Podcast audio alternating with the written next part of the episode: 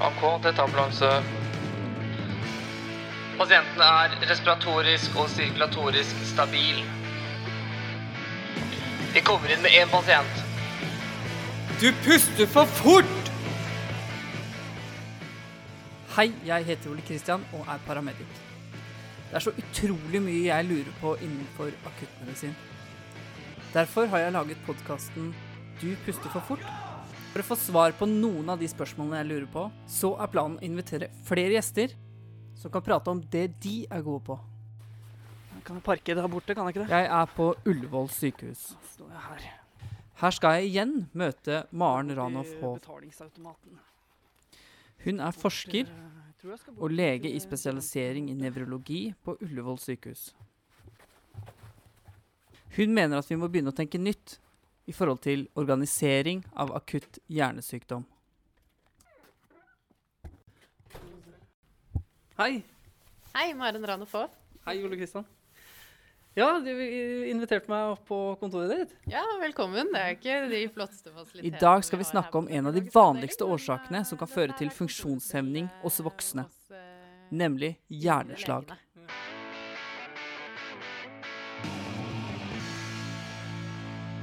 Hjertelig velkommen tilbake, Maren. Tusen takk. Du, La oss først begynne med hva er egentlig et hjerneslag? Ja, hjerneslag er jo egentlig en uh, klinisk sånn sekkebetegnelse for uh, tilstander hvor man har påvirket blodsirkulasjonen i hjernen. Og hjerneslag pleier å deles opp i tre ulike deler. Det er uh, de årsakene som er med blodpropp, som vi kaller for hjerneinfarkt. Så er det de som har eh, blødning, som vi kaller hjerneblødning. Og så er det den lille gruppen pasienter, men veldig alvorlig syke pasientene, som har hjernehinneblødning, subaraknoidalblødningene. Så de tre gruppene de utgjør da betegnelsen hjerneslag. Og hjerneslag den stiller man eh, på symptomer, og derfor så sier man at det er en klinisk diagnose. Hva er forskjell på en hjerneblødning og en, et hjerneinfarkt, da? Nei, altså alle blodårene i hjernen de eh, har et eh, forsyningsområde som de har ansvar for, og som de ender opp i. Og hvis man eh, får eh, en blodpropp eh, som kommer ofte nedenifra opp, altså fra halsområdet eller fra hjertet, så vil den blodproppen følge med blodstrømmen helt til eh, karet blir så trangt at det er stopp. Og da eh, vil det ikke passere noe blod forbi den blodproppen. Da vil alt det vevet som er på yttersida av blodproppen, det vil da ikke få blodtilførsel, ikke næringstilførsel, og da vil de cellene lide. Eh, Hjerneceller er veldig sårbare for eh, tilstoppet næringstilførsel og vil i løpet av bare få minutter skades. Så er det forskjell på skadde celler og døde celler. Så hvis man ikke klarer å gjenvinne blodsirkulasjon og få opp næringstilbudet igjen, så vil man over ganske kort tid uh, utvikle celledød i dette området. Det er et infarkt. Da er det celledød fordi at man ikke har tilførsel av næring. Da går cellene i nekrose. Men ved en hjerneblødning så har man en blodåre som av ulike årsaker sprekker, og det blør ut i hjernevevet. Da vil jo ikke noe blod forsyne det vevet som er på andre siden av lekkasjen, fordi at blodet siver ut istedenfor. Da får man eh, en litt annen type skade, for da får man trykkskade fordi at det kommer blod ut i hjernevevet som trykker på hjernevevet. Og så får man celledød fordi at blodet siver ut istedenfor å forsyne cellene. Det er en hjerneblødning. Ser man på hjerner som har blitt rammet av hjerneinfarkt og hjerneblødning eh, etter døden, så ser man at et hjerneinfarkt er et eh, arrvevområde som er hardt som arrvev i huden, mens hjerneblødning er mer en sånn hulrom hvor det ligger koagulert blod. Hvor lett er det å skille på de eh, tilstandene klinisk, da? Det er umulig. Og grunnen til det er jo at eh, hjernecellene de merker ikke om de ikke får næringstilførsel fordi det er en blodpropp som stenger, eller om det er en blødning som gjør at det lekker ut. Og symptomene på hjerneslag kommer jo av at cellene ikke fungerer. Og hvorfor får man symptomer på hjerneslaget? Nei, Det er eh, fordi hjernen er kontrollorganet vårt. Hjernen styrer all funksjon i kroppen. Og så er det jo deler av hjernen som har mer strategiske funksjoner enn andre. Um, og særlig den delen av hjernen som er hjernebarken, der hvor uh, funksjonen i armer og bein, uh, førlighet, uh, syn, tale sitter, er veldig sårbare for nedsatt blodtilførsel og ligger også ytterst i kartreet fordi det ligger ytterst i hjernevevet og er derfor mer utsatt for, for at de får dårlig blodtilførsel. Um, og da vil jo symptomene komme som en direkte konsekvens av hvilken del av hjernen er det som nå ikke får blodtilførsel. Får ikke hjernen eh, blodtilførsel i det området som styrer bevegelse av armen, så mister vi evnen til å bevege armen fordi at cellene ikke kan gi beskjed om at armen skal bevege seg. Og får man ikke rettet opp den eh, blodtilførselen, så vil jo de cellene dø. Og da har man eh, ikke celler lenger som kan sende signaler om bevegelse i armen, og da er man lam i den armen for livet. Og disse symptomene kan vi kanskje ta opp i en annen podkast, der hvor vi går gjennom litt undersøkelsesmetodikk? undersøkelsemetodikk? Absolutt. Hva er de viktigste årsaken til hjerneslag? Det er en karsykdom. Uh, hjerneslag er jo da enten blodpropper eller blødninger, og det ligger i samme sykdomsgruppe som hjerteinfarkt. Uh, forskjellen på hjernen og hjertet er at det ikke i like stor grad klumper seg opp og lager seg plakk i karveggen og sånn. Eh, de blodproppene man får i hjernen, de kommer ofte unnifra. De lages fordi at hjertet står og flimrer i et atrieflimmer, og det blir turbulent blodflow, og det koagulerer blod, og så blir de blodproppene med når hjertet skyter blod opp i karotidårene og opp i hjernen. Eller så er det plakk som løsner fra Eh, karsykdom i halskarene, og som også blir med opp. Det er de vanligste årsakene. Men det er i den samme sykdomsgruppen som hjertesykdom og karsykdom, og har eh, de samme risikofaktorene. Mm. Er det andre spesielle noen er det noen som kan ha noen spesielle sykdommer eller noe sånt, skal man gjøre dem spesielt utsatt for, uh, for hjerneslag? Ja, nå snakket jeg jo i hovedsak om blodproppene. Uh, det er jo også de med hjerneblødning. Da har man jo noen medfødte tilstander hvor man har uh, karnøster som har litt svakere karvegg, som man kaller for aneurismer. de blør lettere. høyt blodtrykk er nok en av de viktigste risikofaktorene, fordi at man da får skjørere kar som lettere blør. Um, og da mm, vil det påvirke også karene inni hodet. Uh, og mm, så er det jo uh, høyere andel av hjerneslag i de som har kreftsykdom, fordi at man da har en, en uh, immunforsvarsaktivitet i kroppen som gjør at man lettere danner blodpropper, og man har en irritasjon av karveggen også der. Vi skal snakke litt senere hvordan du behandler eh, en, eh, et, et, hjerneslag. Eh, men hvorfor får man så sjelden smerter ved et hjerneslag? Ja, det er jo særlig de, den, de store gruppene da, med hjerneblødning og, og, hjerneinfarkter som ikke gir smerter. Og det er rett og slett fordi hjernevevet ikke har nervefibre som mm. uh, har smerte. Uh, de har ikke noe smertefibre inni hjernen. Men uh, de um, hjerneslagene som er den gruppa med hjernehinneblødninger, de er jo karakterisert med akutt, veldig intens hodepine. Og det er fordi at blødningen sitter i hjernehinnene, og da trigger smertefibre i hjernehinne og i skallebasis. Mm. Hva er det viktigste oppgaven til oss som ambulansepersonell da, i forhold til hjerneslag? Det er først og fremst å identifisere symptomer som er forenlige med et akutt hjerneslag. At man ser de pasientene som man mistenker at har et slag, og at man eh, raskt reagerer på den type symptomer. Og da er det bare ett svar på det, og det er blålys og rett inn til nærmeste sykehus. Så det er det aller, aller viktigste. Eh, videre så er det jo et stor verdi hvis man kan gjøre en god klinisk undersøkelse som sier noe om hvor man tror hjerneslaget sitter, og hvor stort hjerneslaget er. Um, man skal selvfølgelig ha fokus på trombolyse. Uh, fordi at det er det som haster mest, for da har man behandlingsmulighet. Og da er tiden fra symptomene oppsto, et utrolig viktig spørsmål.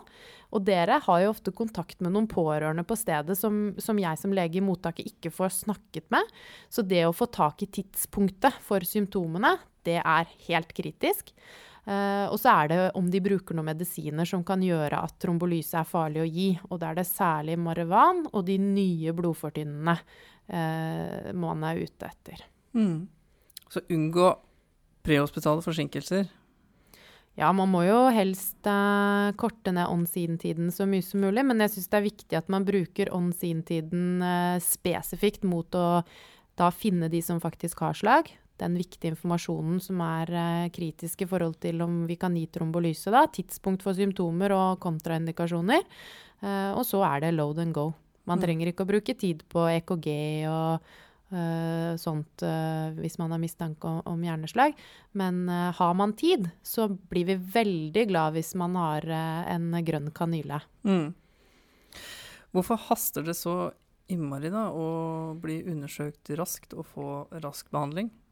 Nei, altså vi kan tenke på hjerneslag som en uh, klokke som begynner å tikke idet første symptom oppstår. Um, og da er det um, Hvis man skal gi trombolyse, så har man fire og en halv time fra første symptom. Men egentlig så har man bare en time på seg. Fordi hvis man skal behandle, og behandlingen skal ha effekt, og det liker vi jo at den ja, skal gjøre. Eh, da skal vi komme til i løpet av den første timen fra symptomet. Og mm. det, er så, det, er ikke så, vanskelig å forstå, fordi det er jo disse hjernecellene, da. Og de dør jo fortløpende når de ikke får næring. Og målet vårt med behandlingen er å løse opp blodproppen, sånn at vi skal få blodtilførsel igjen.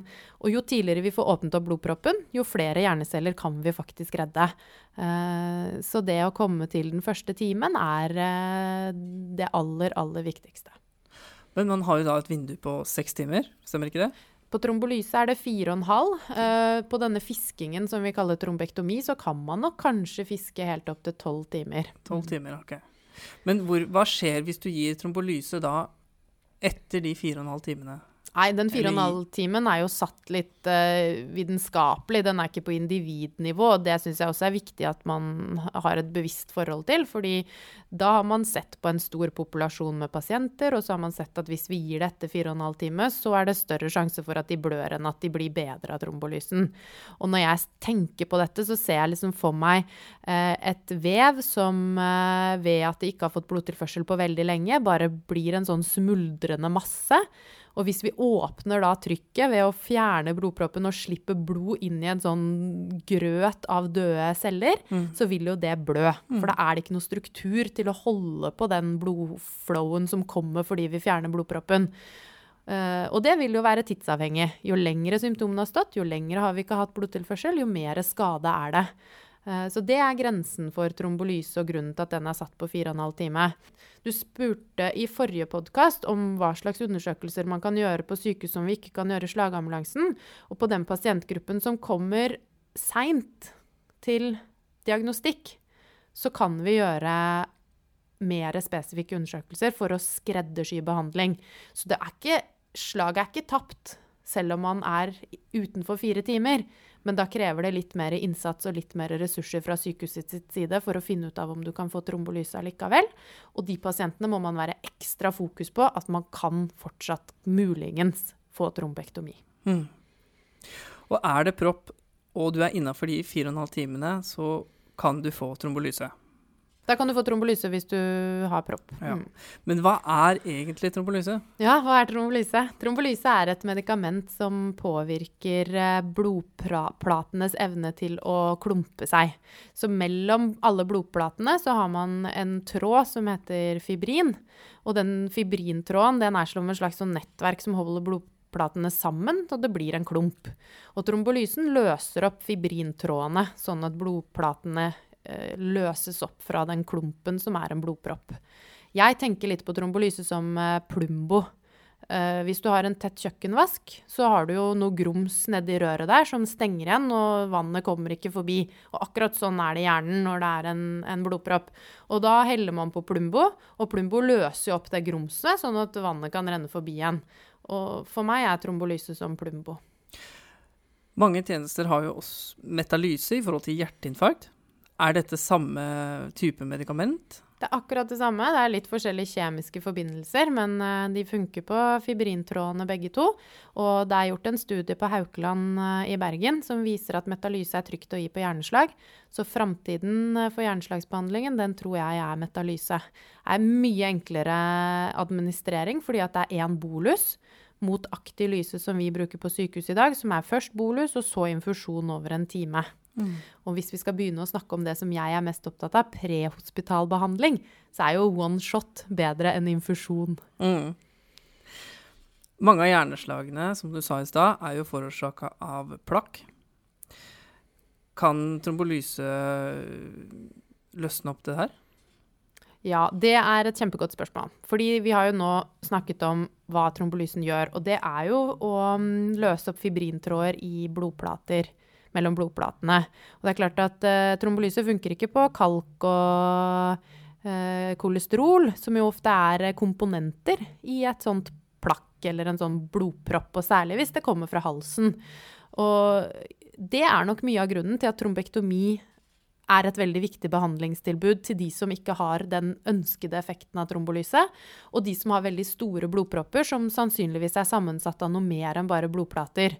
For da vil man jo kunne løse opp litt blodplater som er klumpa sammen, men så er det noe annet grums der som man ikke kan ta med trombolyse. Og da må man gå inn og så trekke det ut, rett og slett mekanisk, som man gjør ved trombektomi. Når er det særlig aktuelt med trombektomi, da? Trombektomi er særlig aktuelt på de pasientene som har veldig store blodpropper i de sentrale karene i hodet.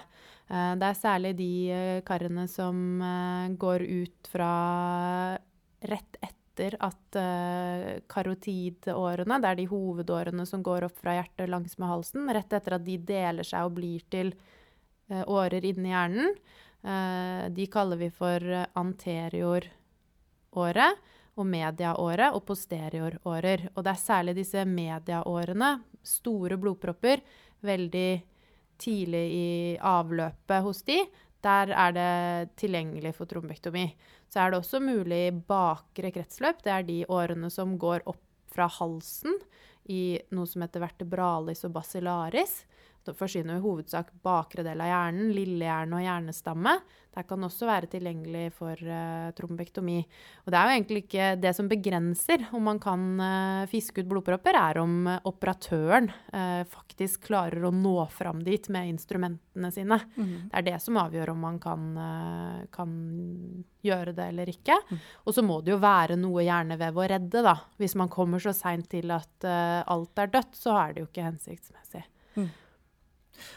Alle disse pasientene, har de fått trombolyse først, og så går de inn og gjør en trombektomi? I de fleste tilfeller i Norge i dag så har de det fordi at vi ikke har noe prehospital seleksjon uh, rett inn til, uh, til, sykehus med intervensjonsmulighet. Uh, og det ser man også i de studiene som er gjort, at trombolyse er en slags smøring før trombektomi. Og hvis vi går tilbake til den patofysiologien med denne blodproppen, så er det jo ganske greit å tenke at med trombolysen så fjerner vi liksom blodplatene som del av blodproppen. Uh, og så tar man ut resten med trombektomi, så ser man at det komplementerer hverandre. Uh, og i slagmedisinen så kaller man dette for drip and ship. Altså man uh, gir trombolyse, og så shipper man de til intervensjonssenter. Mm. Finnes det i dag noen uh, type markører? På hjerteinfarkt så finner man jo troponiner, uh, blodpropper, D-dimmere hjerneslag da? Finnes det noen type markører som man kan se på en blodprøve? Ikke per i dag, men i slagambulansestudien som jeg snakket om i forrige podkast, så har man eh, forskning også på det. Vi kaller det for biomarkører. Det er da en eller annen eh, protein eller mRNA-sekvens eller noe, et eller annet stoff i blodet, som kan si om det blør inni hjernen. Og det leter vi etter i blodprøver på alle pasientene som vi forsker på. Mm. Så er vi inne på sykehuset med en uh, pasient som vi mistenker hjerneslag på. Da står du der, og da går klokka di. Door to needle time. Kan du fortelle litt hva det er for noe? Ja, Det er et litt pussig begrep, da. Eh, særlig for oss som er opptatt av den prehospitale delen av hjerneslag. Men door to needle det er jo rett og slett fra sykehusdør til trombolyse er startet. Eh, og det som har vært eh, Door to needle er blitt litt sånn opphauset fordi at det har vært et uh, tidsvindu som man har hatt kontroll over, og som man har kunnet måle, og som har vært veldig konkret i forhold til kvalitetsforbedring på hjerneslagsbehandling. For da har man jo kunnet si at uh, legene skal løpe, og CT-en skal flyttes til mottak, og vi skal ha en slags sånn traumeprotokoll for hjerneslag. Og det har vært veldig viktig, fordi for bare noen år siden så, så, brukte man jo timer i det mottaket fordi det ikke var noe logistikk rundt denne pasientgruppen, og de var ikke prioritert for å få CT-undersøkelse. Men så blir det jo litt pussig nå, da, når uh, door to needle time blir en slags sånn kvalitetsindikator på akutt uh, slaghåndtering.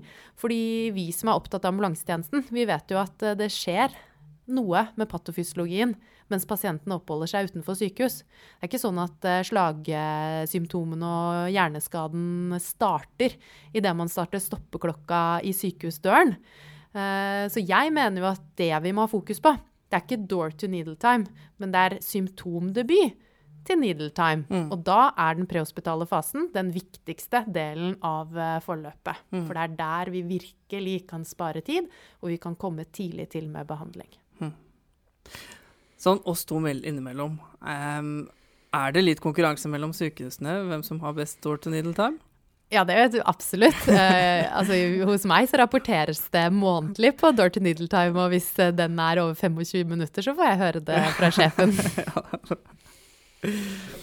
Hvordan ser du for deg den prehospitale behandlingen av hjerneslag blir i fremtiden, Maren? Først og fremst så håper jeg jo at uh, vi eh, har uh, veldig god standardisert klinisk undersøkelse.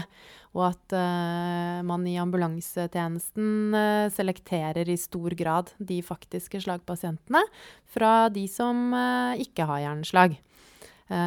det krever et kompetanseløft utenfor sykehus. Både på legevakter og på AMK i ambulansen. Og så håper jeg jo at uh, vi får CT-diagnostikk ut til uh, folk. Uh, Finnmark fylke, f.eks., så er transportavstander alene begrensende for hvem som kan få tilbud om akuttbehandling når de rammes av et hjerneslag. det er ikke holdbart. Mm. Vi må ha en standard på at uh, rammes man av hjerneslag, så er det en sete innenfor rimelig tid, så man kan få behandling. Og da kan man ikke bygge flere sykehus, man må flytte setene ut i det prehospitale rommet, og de må håndteres av de som jobber prehospitalt. Uh, så håper jeg at vi kan uh, få en bedre seleksjon av pasienter, sånn at de som umiddelbart, eller helt klart, da, skal til intervensjonssenter, som skal til trombektomi, de blir eh, transportert direkte dit, og ikke via en forsinkelse på lokalsykehus. Mm. Uh, og da er det Ta Gudbrandsdalen, f.eks. Får du slag på lom, så er det fint å vite om du skal flys med Dombås-helikopteret til uh, Riksen, eller om du skal kjøres med bilambulanse til Lillehammer sykehus. Mm. Uh, så den type diagnostikk og seleksjon og identifisering av pasientene, det håper jeg at blir en selvfølge i framtida. Slaget om hjernen står utenfor sykehuset, og det er eh, ambulansetjeneste og prehospital tjeneste som har de viktigste ressursene for å løfte det. Mm. Jeg tenker vi eh, kan avslutte her. Hjertelig takk for at du ville komme hit og prate om hjerneslag, eh, Maren. Tusen takk for at jeg får lov til å snakke om det, og takk for at dere i ambulansetjenesten løfter denne pasientgruppa. Det er jeg utrolig takknemlig for. Neste gang så blir du også med. Da skal vi prate om hvordan vi undersøker uh, slagpasienten, og hva du legger vekt på når du uh, undersøker slagpasienten som kommer i mottaket ditt. Gå inn på der hvor du lytter på podkaster. Trykk på abonner, og du vil se at uh, Du puster for fort kommer til å legge ut flere episoder om akuttmedisin. Ha det bra.